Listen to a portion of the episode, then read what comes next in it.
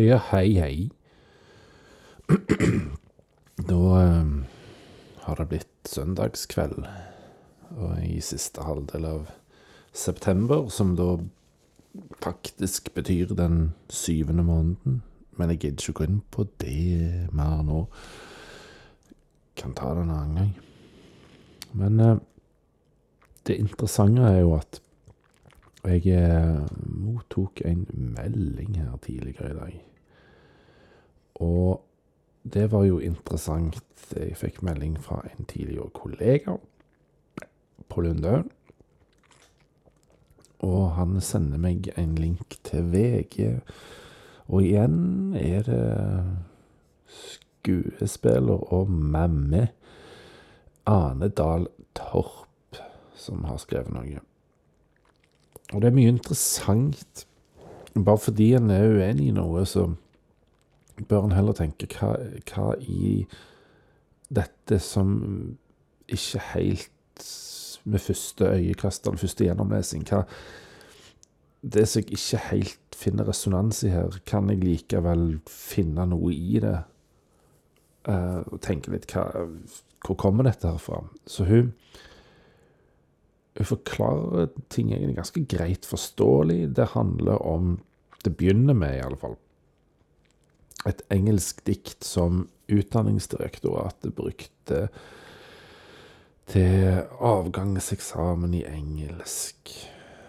Og det fikk engelsklærer og mange andre til å rase, som hun skriver, og de mente at det var et makkverk, og at det ikke kunne serveres til eksamen. OK, bare la oss ta den først, da. Um, eller jeg kanskje kan ta med litt av det som går videre òg, fordi uh, hun sier noe om at altså Stiller spørsmål ved hva har skjedd når et utdanningsdirektorat i et høyt utvikla land byr avgangselever makkverk til eksamen.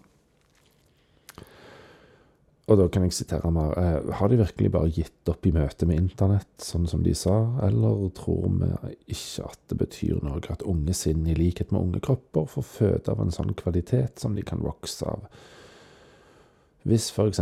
kjennskap til god litteratur skal være tilgjengelig for alle, og ikke bare de fra hjem med velfylte bokhyller, er skolen vårt eneste håp. Vel, jeg vet ikke om det nødvendigvis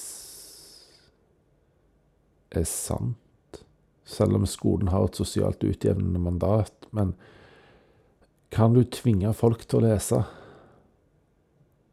Nei. Hennes poeng er at skjermer ødelegger mye, da. Og det er, jeg ikke uenig i. Skjermer ødelegger enormt mye, for så enormt mye. Det kan brukes på gode måter, men det kan òg brukes veldig ubevisst og har konsekvenser som ikke er særlig oppbyggende. Eh, og nesten destruktive. Um, velfylte bokhyller, god litteratur Her begynner vi på en sti som handler om å definere litteratur som er god eller dårlig. Derfor vil jeg heller gå tilbake til det som blir kalt for et makkverk. Og så vil jeg knytte det opp mot kompetanse, og at det vi først og fremst skal gi elevene, uansett hva bokhylla foreldrene har, og uansett forutsetning, så skal vi gi dem kompetanse til å kunne forholde seg til tekster og til litteratur, sånn at de kan finne ut hva de mener er god litteratur. Og da blir det en litt rar ting å si hvis f.eks. kjennskap til god litteratur skal være tilgjengelig for alle, ja, men da er det noen som har bestemt ut fra den måten å formulere det på. Så er det noen som sier hva, gode, hva, som er god litteratur, og så skal du ha kjennskap til den. Nei, du skal ha kjennskap til litteratur. Du skal ha kompetanse til å eh, avkode den, du skal ha kompetanse til å forstå den, og vurdere den og reflektere rundt den og drøfte den, sånn at du skal være i stand til å avgjøre om du syns det er god litteratur eller ei. Om den gir deg noe. Og om du kan lære noe av den i tilfelle du skulle formulere deg sjøl. Ok. Og da må vi inn på kompetansebegrepet. Kompetanse handler om det du allerede besitter av kompetanse. Uh, utvikle ny kompetanse, sånn at du kan håndtere både kjente og ukjente og nye situasjoner. Ja, det er det vi skal gi barna og ungdommene, ikke bare de fra hjem med velfylte bokhyller. Og da er skolen vårt eneste håp. Vi skal sørge for at den kompetansen de trenger for å kunne si noe om denne engelske teksten som de fikk til eksamen, den går noe sånn som dette, da. Jeg skal lese den. I look at you and you look at me. I see anger, terror, rage. You see privilege, arrogance, power. So, shamefully, I fail to see you. You fail, shamefully, to see me. How can we bridge this gap between us? How can I see you, and how can you see me?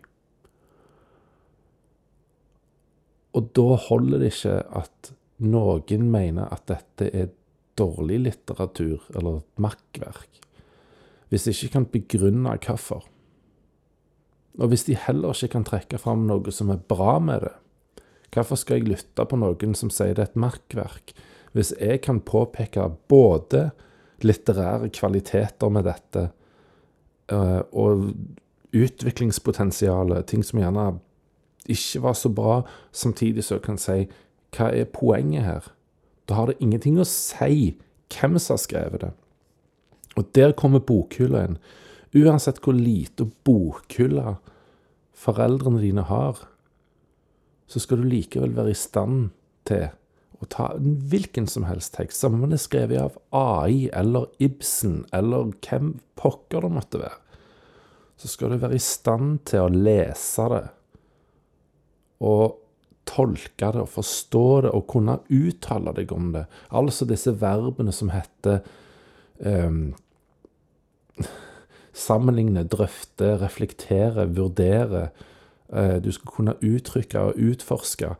Det skal du kunne gjøre uansett hva tekst du får. Og hvis ikke du vet at denne teksten er skrevet av AI, Ibsen eller hvem enn det måtte være, så bra for da er det ikke biased. Mens en som kommer fra en familie med lang bokhylle, vil si Nei, det er dårlig, for jeg har ikke lest denne teksten noen forfatter før. Og, og ja, det er AI som har skrevet det. Ja, det er dårlig. Nei, det er ikke sikkert det. Så eh, akkurat der vil jeg heller si Jeg syns ikke det var en dårlig idé fra Utdanningsdirektoratet, UDIR å gi den teksten, for den er helt i tråd med poenget med opplæringen og kompetansebegrepet. Så, så den syns jeg er helt grei. Um, og så kom vi inn på kjedelig, kjedelige timer. At um, Hun nevner noe fra Dag Solstad, en lærer der som er i bok der eh, han, liksom, han, han, gjør ting så kjedelig, og elevene kjeder seg på en helt annen måte enn før, og du er fornærma fordi de kjeder seg, og eh, de, det var han fornærmelsen de, Altså, de var fornærma fordi de kjeda seg, og fornærmelsen var retta mot læreren fordi det var læreren som kjeda de. Ja, OK, hvorfor skal de finne seg i dette? Og, og, og snart kom jo skjermene, da, som er hennes poeng, at og der har jo rett, det er riktig å si at skjermene har gitt oss den der instant gratification-greia. Eh, som gjør at hvis vi ikke får noe umiddelbart, så kjeder vi oss. Uh, hun henviser til lærere som har vært på kurs og, sånn, og digital, på digitale kurs og sett masse sånn apper, apper som så bruker. og bare Wow, for en godtebutikk. ja, det er jo det det er det fungerer på samme måte på kroppen som godteri og andre ting vi kan ruse oss på. Så derfor er det gjerne ikke så fornuftig å bruke så mye skjerm, verken i skole eller hjemme, og, eller hva enn det måtte være. For mye skjerm. OK, så, så det er et problem som er helt på sin plass å adressere. Um, så det er andre ting som, som, oppstår i meg når jeg tenker på kjedelige timer. De er vel kjedelige fordi en får ikke engasjert elevene. Men hvis de blir engasjert, så er det jo bra. Og da hadde jeg en time her tidligere i uka som jeg var veldig spent på hvordan det skulle gå, fordi La oss da begynne i i pedagogperspektivet, eller kanskje ikke det er så pedagogisk å planlegge. Da er du mer lærer, for jeg skiller mellom de to. Hvis du ser på lærerperspektivet og tenker denne timen skal jeg gjøre sånn og sånn og sånn for at de skal lære dette. Da lager du Da regisserer du noe. Du lager en mal for hvordan ting skal være, og da er det ting som ikke passer inn, og ting som passer inn. Det er jo logisk. Uh, da er du opptatt av å ha kontroll og kontroll er noe annet enn oversikt. Fordi du har en plan du må følge, må du ha kontrollen. Hvis planen ryker, så må du ha en plan B. Hvis plan B ryker, må du ha en plan C, og til slutt har du ikke mange alfabet nok i verden til alle reserveplanene du trenger. Hvis én av de elevene som er i klasserommet, ikke spiller etter pipa di, og gjør det sånn som du har planlagt at de skal, sett for deg at du skal. For å forberede deg må du nødvendigvis òg se for deg noe. Men da ser du for deg en retning du skal gå, vel vitende om at det er masse som kan oppstå underveis når du går den veien. Da blir det antageligvis ikke kjedelig. Da vil antageligvis oppstå ting som du ikke hadde sett for deg, og som du i en sånn ryggmargsrefleks først vil tenke at det var ikke dette jeg ville, dette passer ikke inn. Men så finner du kjapt ei løsning på det fordi du er forberedt, fordi du vet hva retning du vil gå, og hvordan det cirka kan se ut når det kommer fram, men at du ikke nødvendigvis er helt framme. Veldig svevende foreløpig. Um, det kan jeg forstå. Eh, det du har når du forbereder deg, det du vinner når du forbereder deg, er oversikt. Og når du har en oversikt, så kan du observere. Når du har planlagt, så er det veldig lite rom for observasjon av annet enn at de oppfører seg sånn som du ønsker de skal. Så det blir et atferdsprosjekt. Når det da oppstår situasjoner som de gjorde i timen min på onsdag, så vil ryggmargsrefleksen hos meg først, som han gjorde, si eh, det var ikke det de skulle gjøre. Men så tenkte jeg egentlig passer dette perfekt inn til der jeg vil denne timen, den retningen jeg vil. For nå er de på vei der allerede. OK, da skal jeg ta timen som eksempel, og den timen som utgangspunkt. Vi skal bruke litt tid på å lytte på musikk når du skal lytte på musikk, så lytte til, lytte på, så skal en jo helst sitte i ro. En bør faktisk lukke øynene, for musikk nytes best med ører. Auditive ting nytes i utgangspunktet først og fremst med ørene. Så skru av øynene og lære litt lytteteknikker. Når du hører på musikk du ikke har hørt før, for jeg spiller to sanger, eller to musikkstykker, det ene har jeg plukket ut, noe de antageligvis ikke har hørt før. Mens de har fått komme med ønsker, så spiller vi en av sangene som de ønsker, og da har de antageligvis hørt den før. Fordi de velger mye som er populært, og som mange allerede hører på. Ok. Så jeg begynner å spille min låt. Teenage Fan Club, Ain't That Enough, tror jeg det var. Jo, det var det. Det som skjer Eller, jo, etterpå så var tanken at det, i stedet for det vi hadde gjort de siste ukene, å holde på med BlimE-dansen, som de syntes egentlig var litt kjedelig De kunne den allerede. Det var ikke vits å slå en vidåpne dører i timen. Men de syntes det var gøy å bevege seg, da. Tenkte jeg hm, Hva med å utfordre de på å lage litt bevegelser sjøl, og ikke snakke om det som dans, for da blir det så mange som blir låst, og ikke tør og ikke vil, og de melder seg ut. Så jeg bare snakker om det som bevegelse til musikk, og moves og groovy bevegelser og litt sånn, og så få det til å passe, liksom, gå i takt med musikken. Det trenger ikke passe sånn koreografisk sett, bare, bare det passer i takten til musikken.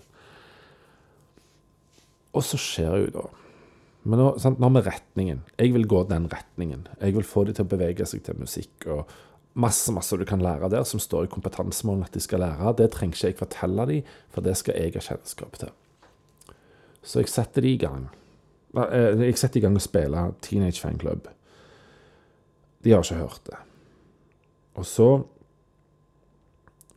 er det en, god del av de som reiser seg opp og begynner å bevege seg. De begynner å danse.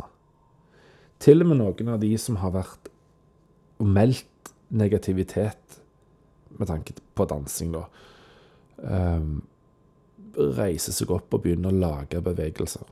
Noen bruker hjelpemidler til og med.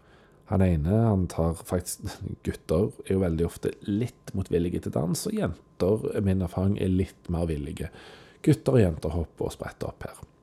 Det var veldig få som ble sittende. Han ene gutten tar eh, eh, kosten av feiebrettet og bruker kosten som hjelpemiddel, og han bruker, en annen bruker feiebrettet som hjelpemiddel i bevegelsene.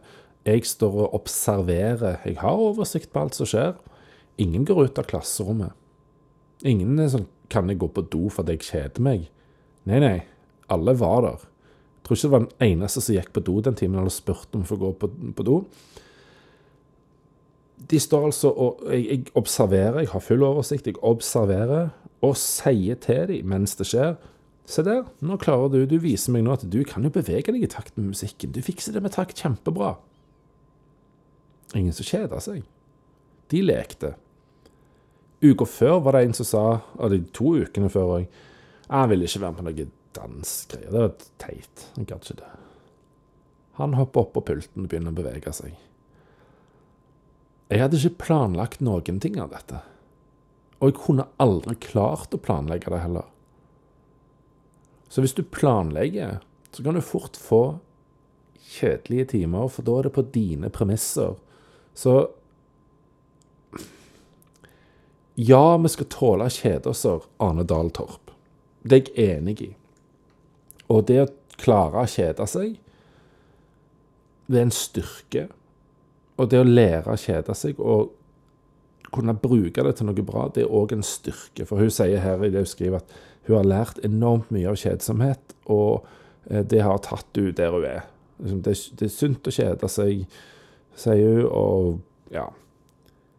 Ja kjedsomhet skaper jo kreativitet, for dette, dette var jo skamdrit å bare sitte her. Det som skjer da, det er at den kreativiteten som slår gnister her, i en planlagt time, den passer jo ikke inn. Og dermed er det altså et atferdsprosjekt. Mer enn et pedagogisk prosjekt med, med, utvikling og læring og kreativitet. Jeg vil si at engasjerende timer er bra timer. Det kan være en bra time selv om en sitter samfunnet 60 minutter. Det kan være en dårlig time om en beveger seg samfunnet 60 minutter. For det er ikke der det ligger. Magien ligger i at du faktisk tør å gi frihet til de du skal Nei, ikke som jeg skal. Til de som skal utvikle seg. Til de som skal lære. Til de som skal forbedre seg. Men jeg kan ikke gjøre det egentlig på mine premisser, iallfall ikke 100% Jeg må gjøre det innenfor de rammene jeg har, med de ferdighetene og den kompetansen og den kunnskapen jeg har. Men jeg kan det jo allerede så, til en viss grad.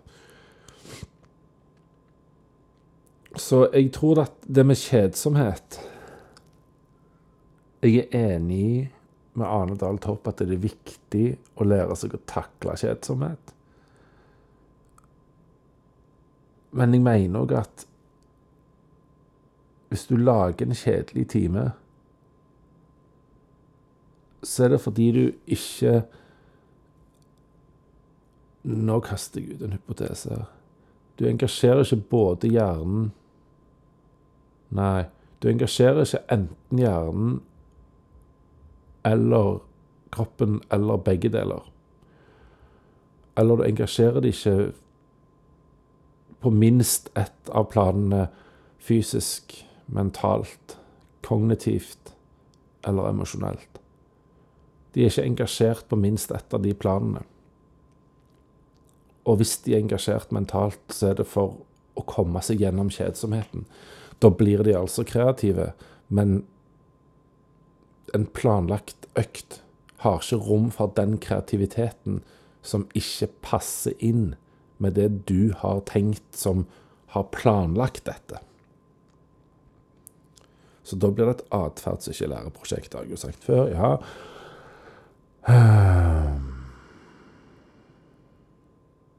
Hmm. Og så bare se om For jeg har tenkt litt rundt dette. Nå må jeg lage litt lyd her. OK. Um, sunn kjedsomhet begynner du å snakke om. Og at du spiser kameler til frokost. Og, mm -hmm.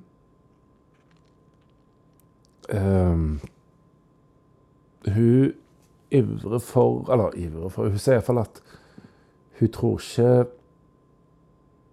lekser er det vi skal fjerne fra hverdagen til barn og unge. For, og jeg siterer følgende avsnitt. Der står det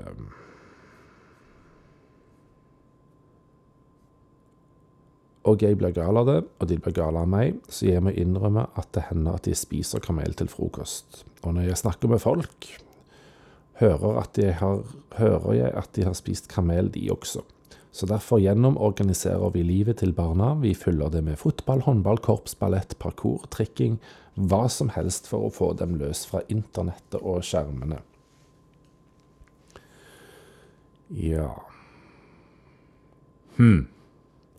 Altså eh, fotball, fysisk aktivitet. Håndball, fysisk aktivitet. Korps, en Eh, ganske utfordrende kognitiv aktivitet. Ballett eh, en ganske krevende fysisk kognitiv aktivitet. Parkour en relativt fysisk dels mentalt, kanskje kognitivt. Tricking i alle fall fysisk og til en viss grad eh, mental. Her er det foreldre som gjerne da iverksetter de til feil aktiviteter. Jeg ser at det er poeng med å få de vekk fra internett og skjermer. Men det en gjør, er ikke å aktivisere de, det er å distrahere de. Det er noe annet. Fordi en ser etter kortsiktige, kjappe løsninger. Eh, så en blir med på den instant gratification-greia. At du raskt skal få eh, en god følelse. Men det er jo det som Det er det mange tror at det er kjedsomhet. At det, du skal bare sitte lenge og så få noe, og så opplever du at du ikke får noe igjen for det. Altså du får ikke en gratification på en eller annen måte. Hvis vi tar vekk instant, så lenge du får noe, og du opplever at du får noe, da må du få en bekreftelse underveis på at se her, nå klarte du det jo. Fortsett. Ja, det er bra. Uh, men da må en være engasjert på en eller annen måte. Og da tror jeg ikke kjedsomhet er ordet. Eh, jeg vil heller sagt at givende og engasjerende er mer ord en skal bruke. Så når, når en 15-åring sier at den kjeder seg, så er det upresist sagt av et menneske som ikke ennå har et helt utvikla ordforråd. Og hvis vi lar det ordet få definisjonsmakten, så gir vi de egentlig grunn til å ikke få et bedre ordforråd heller. Da må vi heller gå i rette med å si hva er det som gjør det kjedelig? Da må jeg tørre å la de få gi tilbakemelding på det. Hva er det som gjør det kjedelig? For jeg tror ikke kjedelig er rett ord. Jeg tror ikke at det, du kjeder deg nå. Jeg tror at kanskje dette er for krevende for deg. At du ikke har forutsetninger til å klare det jeg ønsker du skal. Sånn at jeg må legge det ned litt og få deg med, og få deg engasjert i det. Og gi deg en følelse av mestring, en bekreftelse på at faktisk du er på vei. Men da må jeg gjøre noe for å komme eleven i møte altså, bare si, Dette her er jo en ekstremt lite gjennomtenkt, planlagt episode. Det var bare jeg, Den saken til Arendal Torp vil jeg bare se litt på og se at det, det er ting her som, som er fornuftig, men mm, det er òg ting som jeg stusser litt over. Sånn som nå, nå, hopper jeg bare videre og hopper gjerne inn på et nytt spor. Sånn er det. Adhoc-metoden, eller hva det heter. Innfallsmetoden.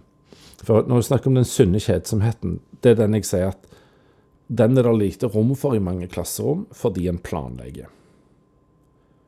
Og da blir det korrigering av atferd for å få inn på det sporet du vil ha. Da forsvinner den sunne og friske kjedsomheten, som er bra. Uh,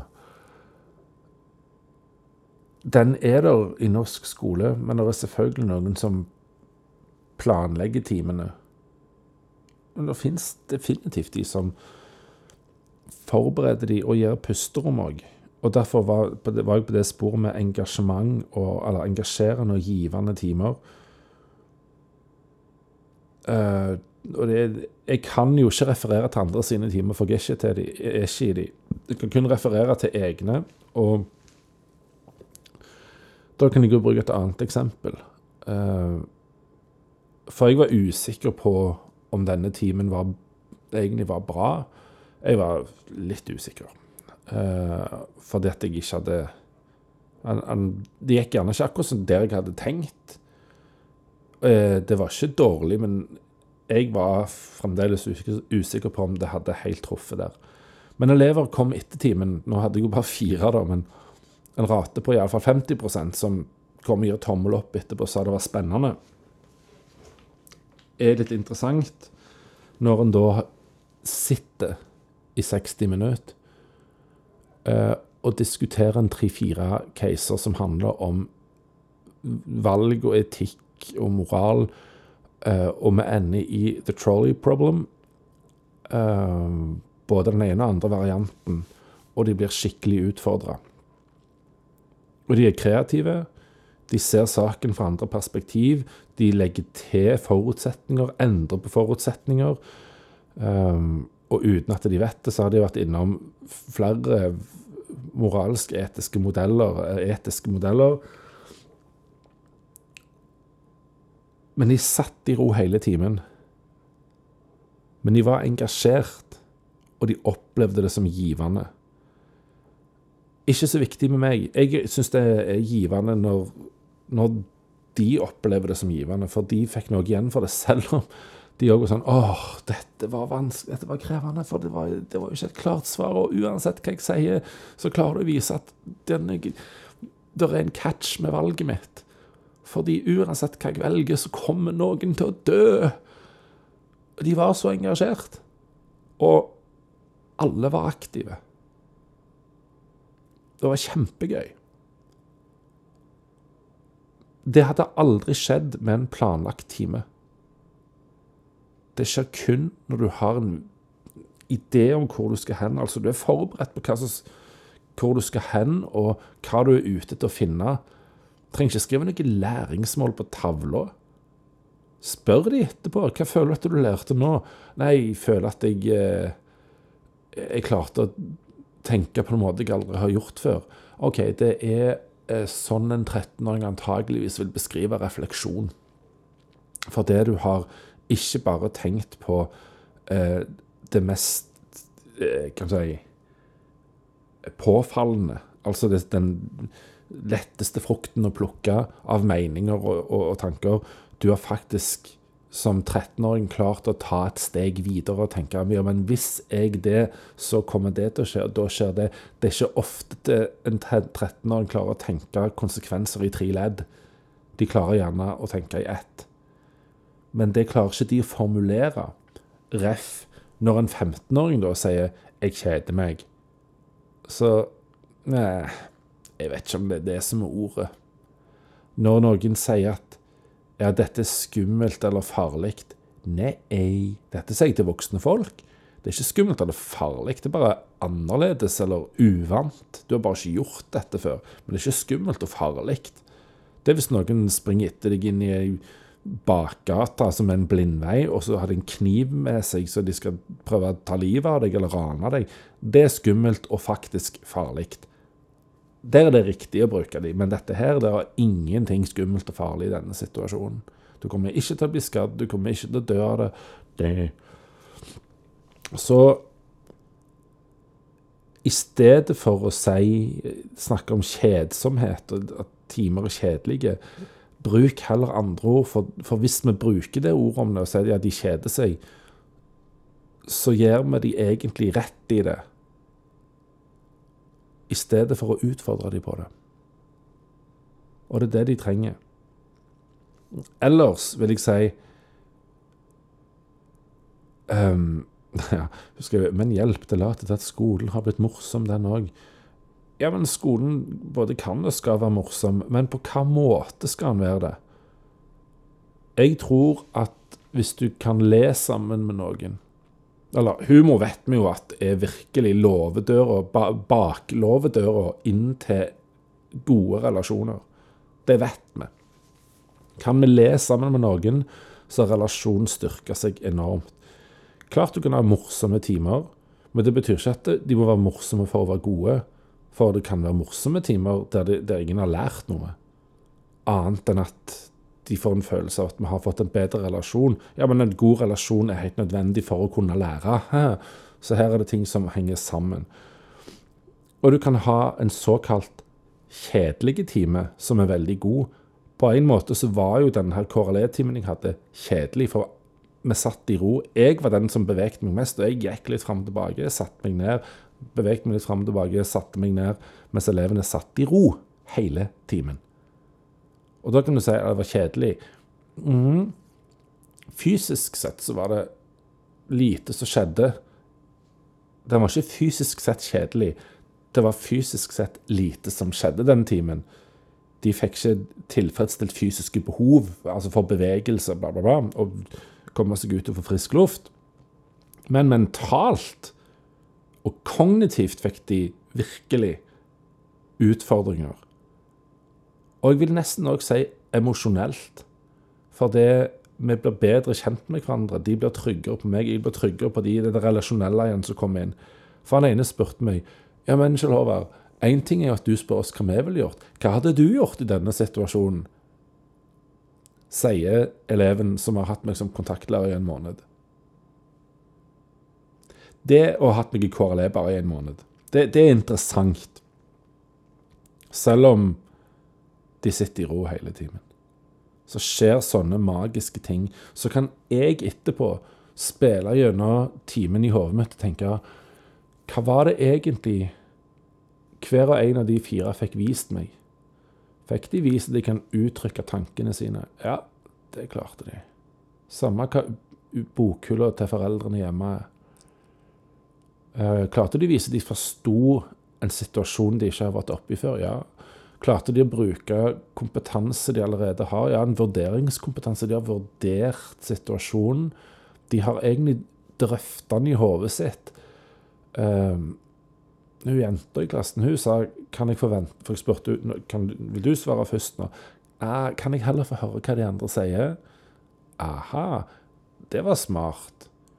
Det betyr at hun til, hun, hun drøfter litt med seg sjøl, men hun kommer ikke til en klar konklusjon. Hun vil høre på hva de andre sier, sånn at hun kan reflektere rundt det de sier. Ja, men da viser hun egentlig at hun har evnen til refleksjon. Ah, det er det jeg ser etter. Uavhengig av hva forutsetninger du har, uavhengig av hva bokhylla til foreldrene er, og om de har ei bokhylle, uavhengig av kvaliteten på formuleringer av eh, situasjonene, uavhengig av ditt og datt, så ble det en kognitivt, mentalt og emosjonelt veldig givende time. Og engasjerende time, selv om man ikke var fysisk engasjerende og fysisk givende. Og da tror jeg at det er bedre at vi snakker om grader av givende og engasjerende på fysisk, mentalt, emosjonelt og kognitivt nivå. For der var det tre av fire punkt som var godt opp på skalaen av givende og engasjerende. Men så er det jo poenget, da, fra Arendal Topp, som egentlig bruker alt dette andre for å bygge opp under dette med skjermer. Og Egentlig en fin måte å bygge det opp på, men jeg, jeg, jeg, har ikke tatt stilling til det faktisk nå, om, det, om vi har bygd opp på en god måte for å komme til poenget. Men hvorfor var det sånn, da? At Steve Jobs ikke ville la sine egne barn komme nær iPaden han sjøl lanserte. Dette kan godt være en anekdote som ikke er sann, men det kan òg faktisk være sannhet i det. Um, nå går jeg bare ut fra at den er sann. Jeg har ikke tatt en kildesjekk på det. Hvorfor sender tech-gründerne i Silicon Valley barna sine på skjermfrie skoler? Ja, det, det, vet man skjer. Det har jeg sett i det digitale dopet, der de snakker med tech-folk i Silicon Valley, og der de er på skolen som de har sendt ungene sine på, og der det Nei, det, er, det er ikke skjerm her. Um, da er det grunn til å stille spørsmålet hvorfor sender tech-gründerne tech i Silicon Valley barna sine på skjermfrie skoler? Går de baklengs inn i framtida? Er de ramma av moralsk panikk? Gode spørsmål å stille. Jeg tror ikke vi bare skal peke mot skolen der. For det er tross alt ikke skolesystemet og de som jobber der, som har valgt å sette disse barna til verden. Eh, det er ikke de som har oppdrageransvaret for dem. Det er jo foreldrene som har det. Det er foreldrene som må sørge for at ungene takler å kjede seg, og at de ikke løser kjedsomhet med skjermbruk. Og at ikke foreldrene løser nå, Oi, nå var min pekefinger oppe. Jeg som ikke har eget biolog, biolog, biologisk, biologisk avkom, uh, og ikke har tenkt å ha det heller, kan lett sitte her og si jo, jo, men det er foreldre som ikke må bruke lette løsninger som skjerm på en krevende situasjon. Nei vel, vent med middagen, da. Gi dem et eple, så de har litt fysisk behov for mat og næring. Sett deg ned og snakk med ungen. Gå en tur med ungen i stedet for å slenge skjermen i trynet på dem. En skjerm er en elendig barnevakt. Med mindre du har tenkt igjennom hva du gir og hvorfor. At du er forberedt i situasjonen. Nå, I stedet for at du skal sitte og rope og skrike til meg, så setter du deg ned og så bruker du den appen der i 15 minutter. Da har du samtidig gjort skolearbeid som du skal til i morgen, og i tillegg så har du fått lekt litt på appen som du ikke trenger å si, du skal bare vite det.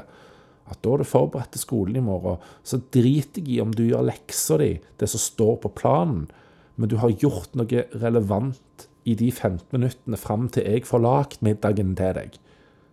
Og så slipper du å være krakilske for du får skjermbruk. Det er en bedre måte å gjøre det på.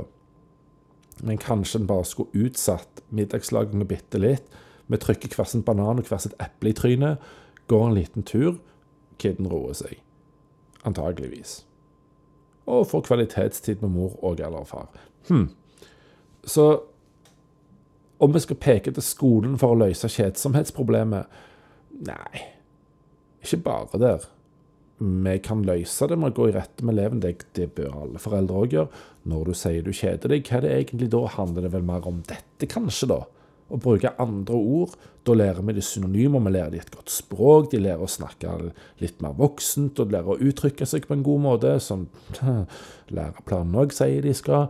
Da er de bedre forberedt til skolen, for de klarer å uttrykke seg bedre der òg, og læreren tenker ja, så flinke du er, du klarer å gi meg gode, fyldige svar. Der har du lært noe, så vurderer vi det som en bra ting når vi skal sette karakterer på dem. Catch my drift. De får det kjekkere i timen fordi de kan uttrykke seg, de kan komme med svar og tanker når vi diskuterer moral og etikk og hva valg du skal gjøre. Hmm. Da er det jo ikke kjedelige timer. Men vårt ansvar i skolen er å sørge for at timene har frihetsgrader.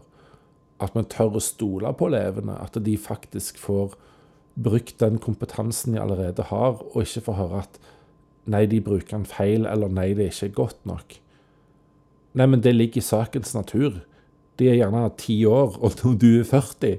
Det ligger i sakens natur at i utgangspunktet så har du etosen her. Du har erfaringer de ikke har. Du har ferdigheter de ikke har. De skal lære å utvikle sine. De skal ikke lære å få dine. De skal ikke bli deg. De skal bli en bedre seg av at du er med på å raffinere deres iboende kompetanse, videreutvikle den. Og så skal de òg lære seg etter hvert hvordan de sjøl kan drive sin egen kompetanse videre. Og gjerne bli spisskompetente på noe, og ikke bruke tid på noe de ikke har forutsetninger for å være kjempegod på. For da kaster de vekk mye tid. Det er kjedelig, det. Så jeg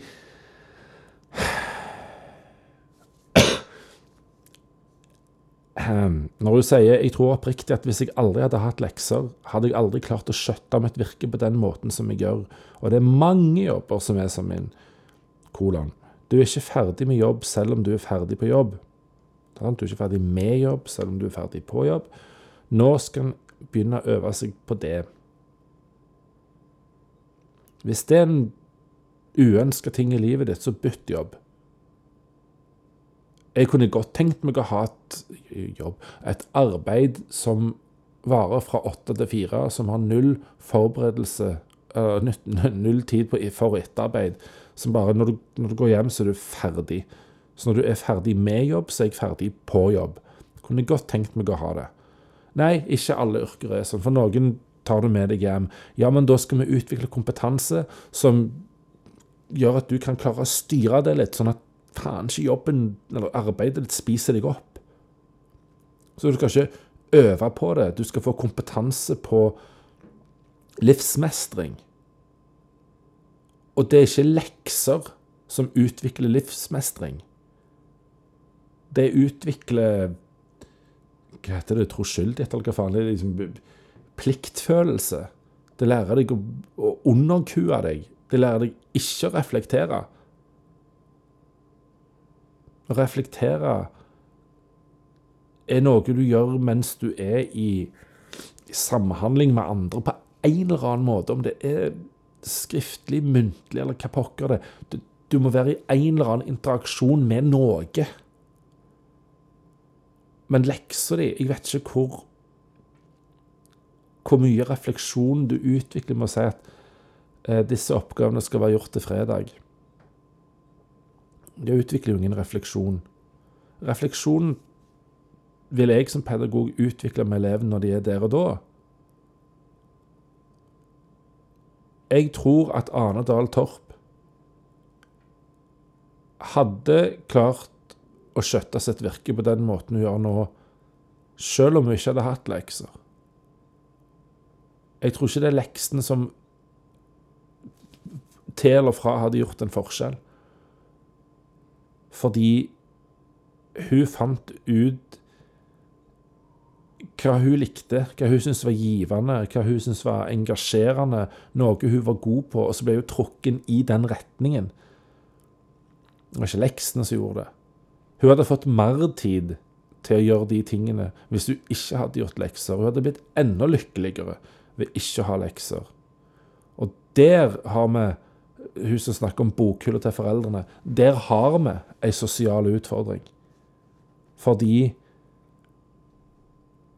Du vet at på skolen så har du en lærer eller en pedagog som faktisk kan forhåpentligvis hjelpe deg. For det er ikke nødvendigvis at mor og far, eller en av de, mor og eller far, kan. Det har du ingen garanti for. Det avhenger faktisk mye av bokhylla. Det er ikke greit. Evnen til å sammenligne, vurdere, uttrykke seg, bla, bla, bla, alt det der Hvis ikke skole og hjem gjør det sammen, så skal i alle fall skolen gjøre det, uavhengig av muligheter hjemme. Og nå kommer òg poenget med skjermene, da. Hvis ikke de hjemme er i stand til det, så må skolen være i stand til det. For det er òg en kompetanse. Digital kompetanse. Og den knytter seg til det fysiske. Å forstå uh, uh, hvordan det påvirker oss fysisk, sånn at du faktisk får det fysisk bedre av ikke å bruke skjerm så mye.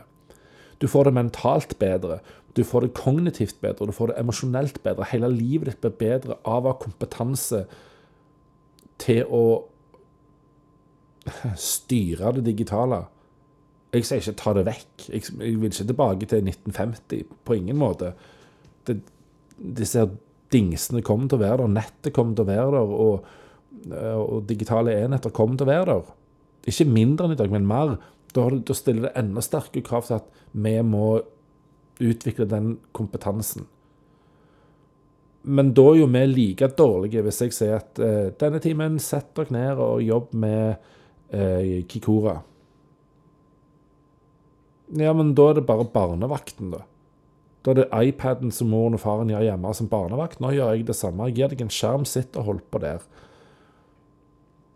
Når det ikke er givende og engasjerende lenger, så begynner du å bruke chatten, du begynner å sende eh, et eller annet, se på YouTube eller noe sånt vås.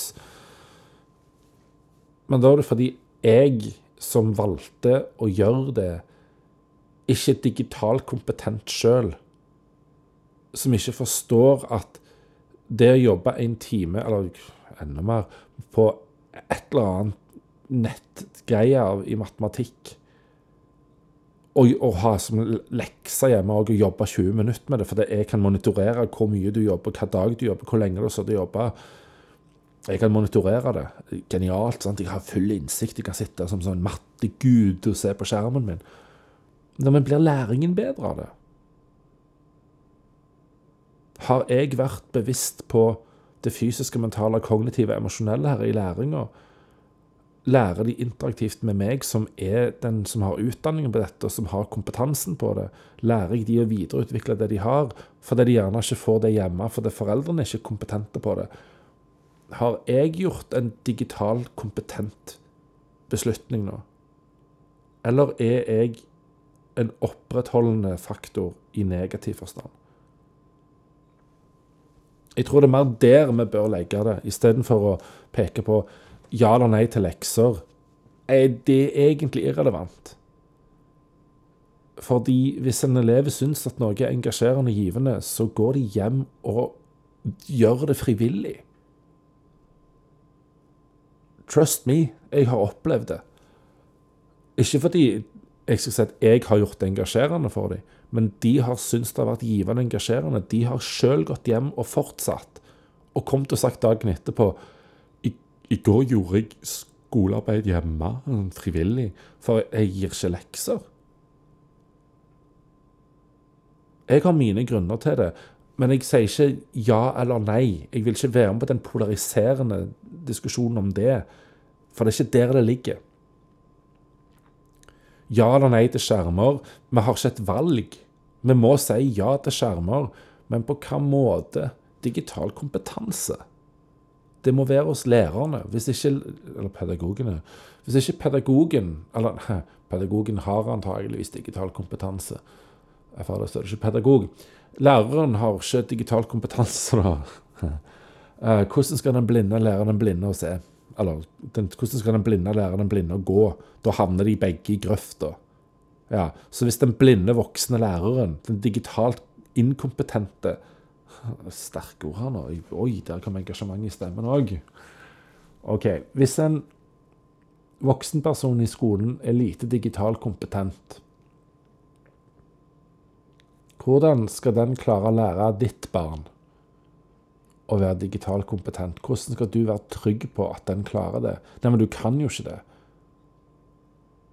Nei.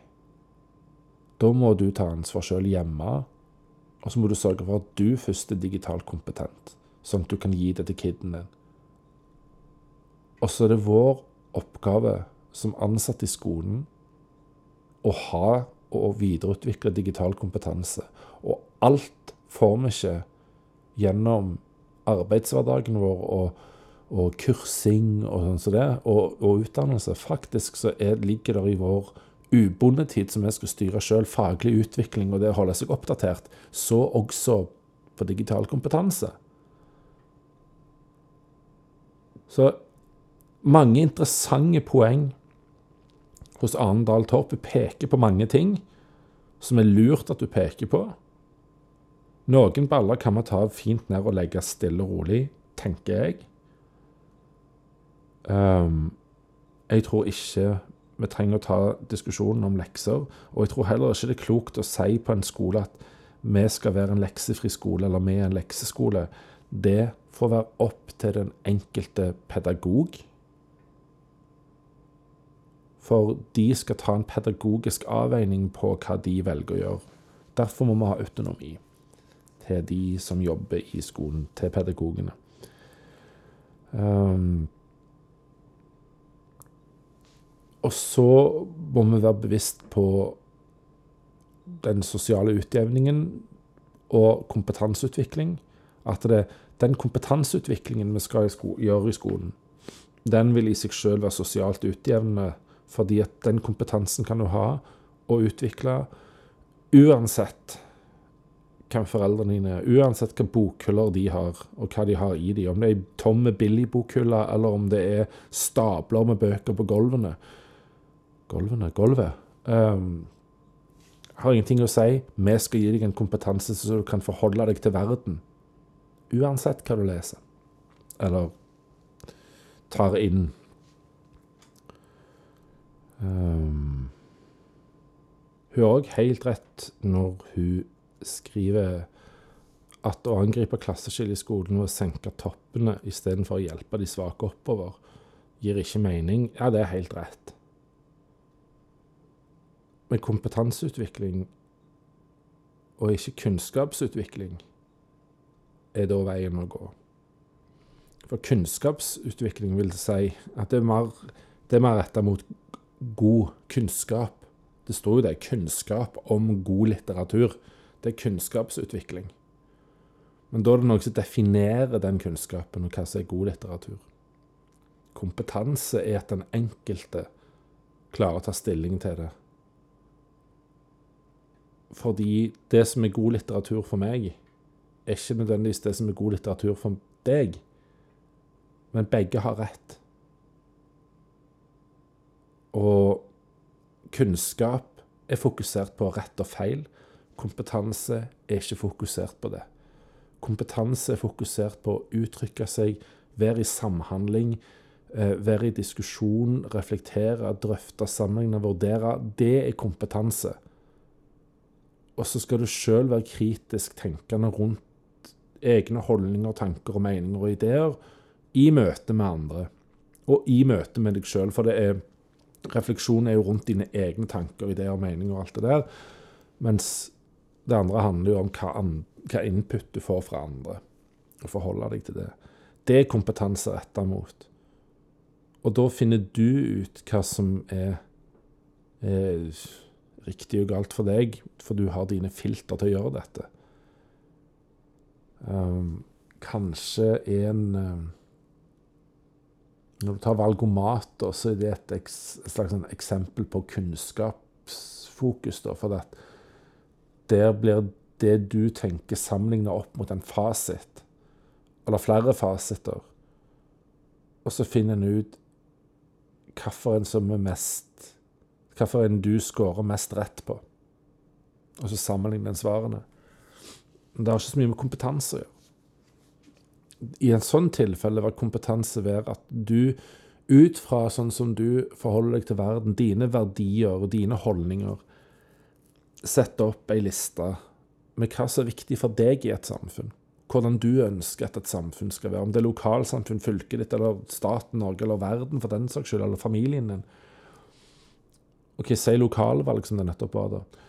Så sender du til de partiene som du gjerne har funnet gjennom valgomaten at du scorer best på fasiten på. Jeg vil spør de, da. Hvem av dere er mest enige med meg? Det er kompetanse. For da må du reflektere over hva du syns er viktig, og hva som er viktigere enn de andre, og kanskje hva som er viktigst for deg. OK, da må du drøfte, reflektere, sammenligne, vurdere. Det er kompetanse. Så finner du ut hva som er riktig for deg, og hvem av partiene som svarer best på din fasit. Det er kompetanse. Så vil jo det hjelpe alle, da. For da senker du ikke toppene. Da hjelper du de svake oppover, men du hjelper alle oppover.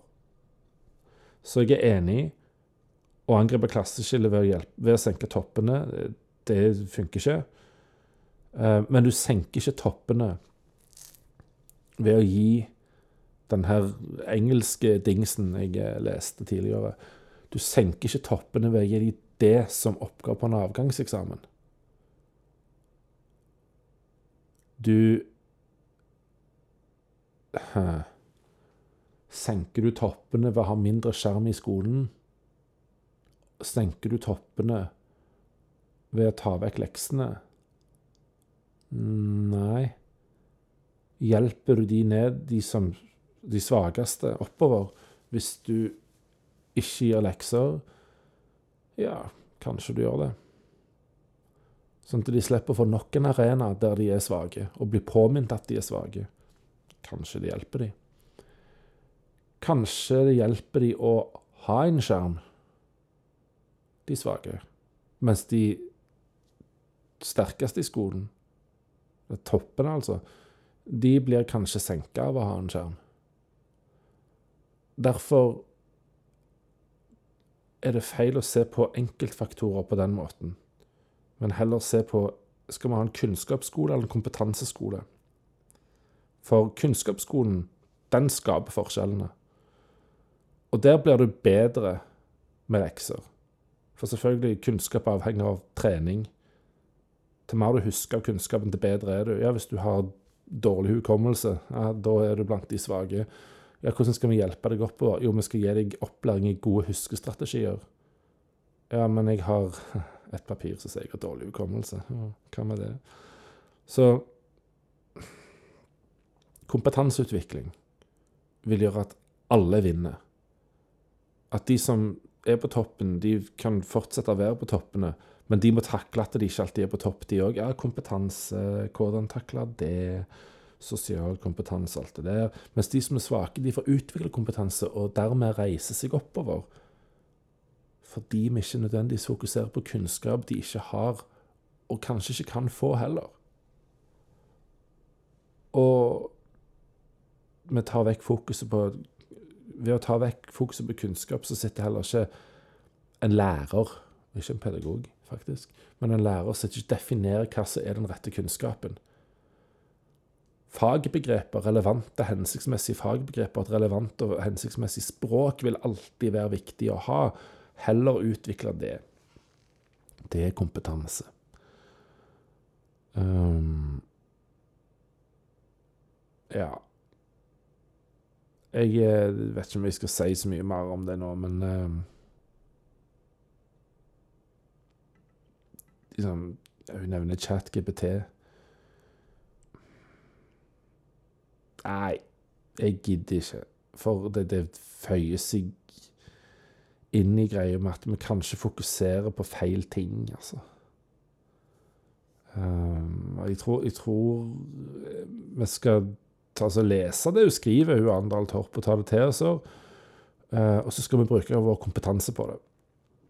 Vi skal bruke vår evne til å sammenligne, drøfte, vurdere, tenke kritisk, reflektere. Uh, og ha evnen til å si hva som er bra i det hun kommer med. og hva som gjerne ikke treffer helt. Den evnen skal vi utsette det for. Så er det mye bra i det.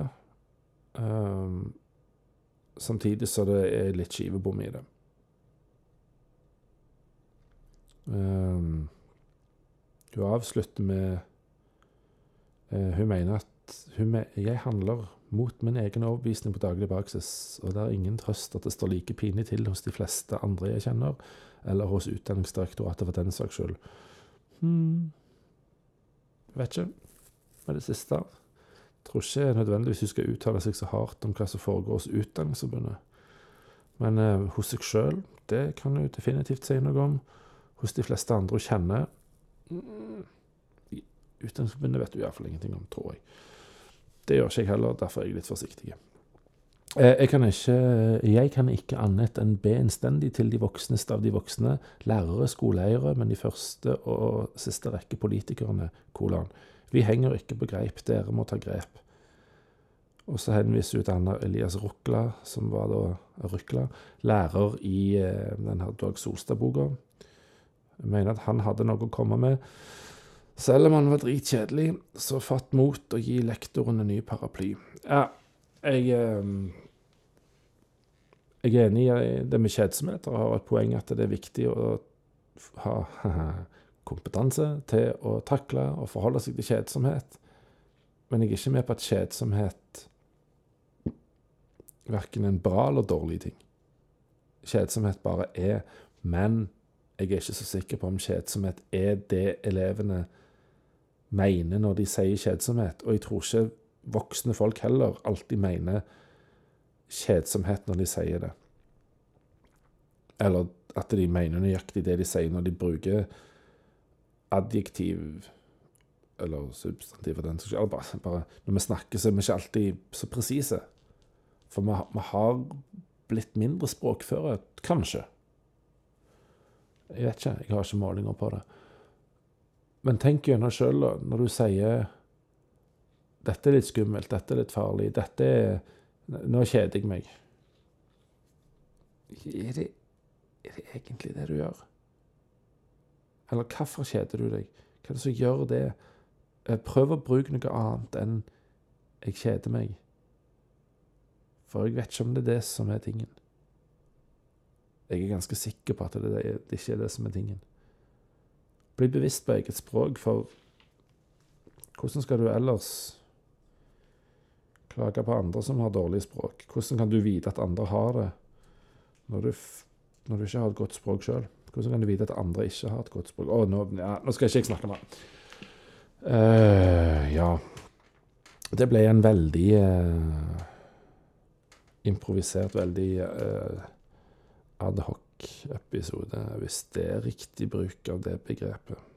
Men interessant eh, sak, så hvis du vil lese den, så ligger den på VG og heter 'Fortjener lektoren en ny paraply'? Takk for meg. Tullu.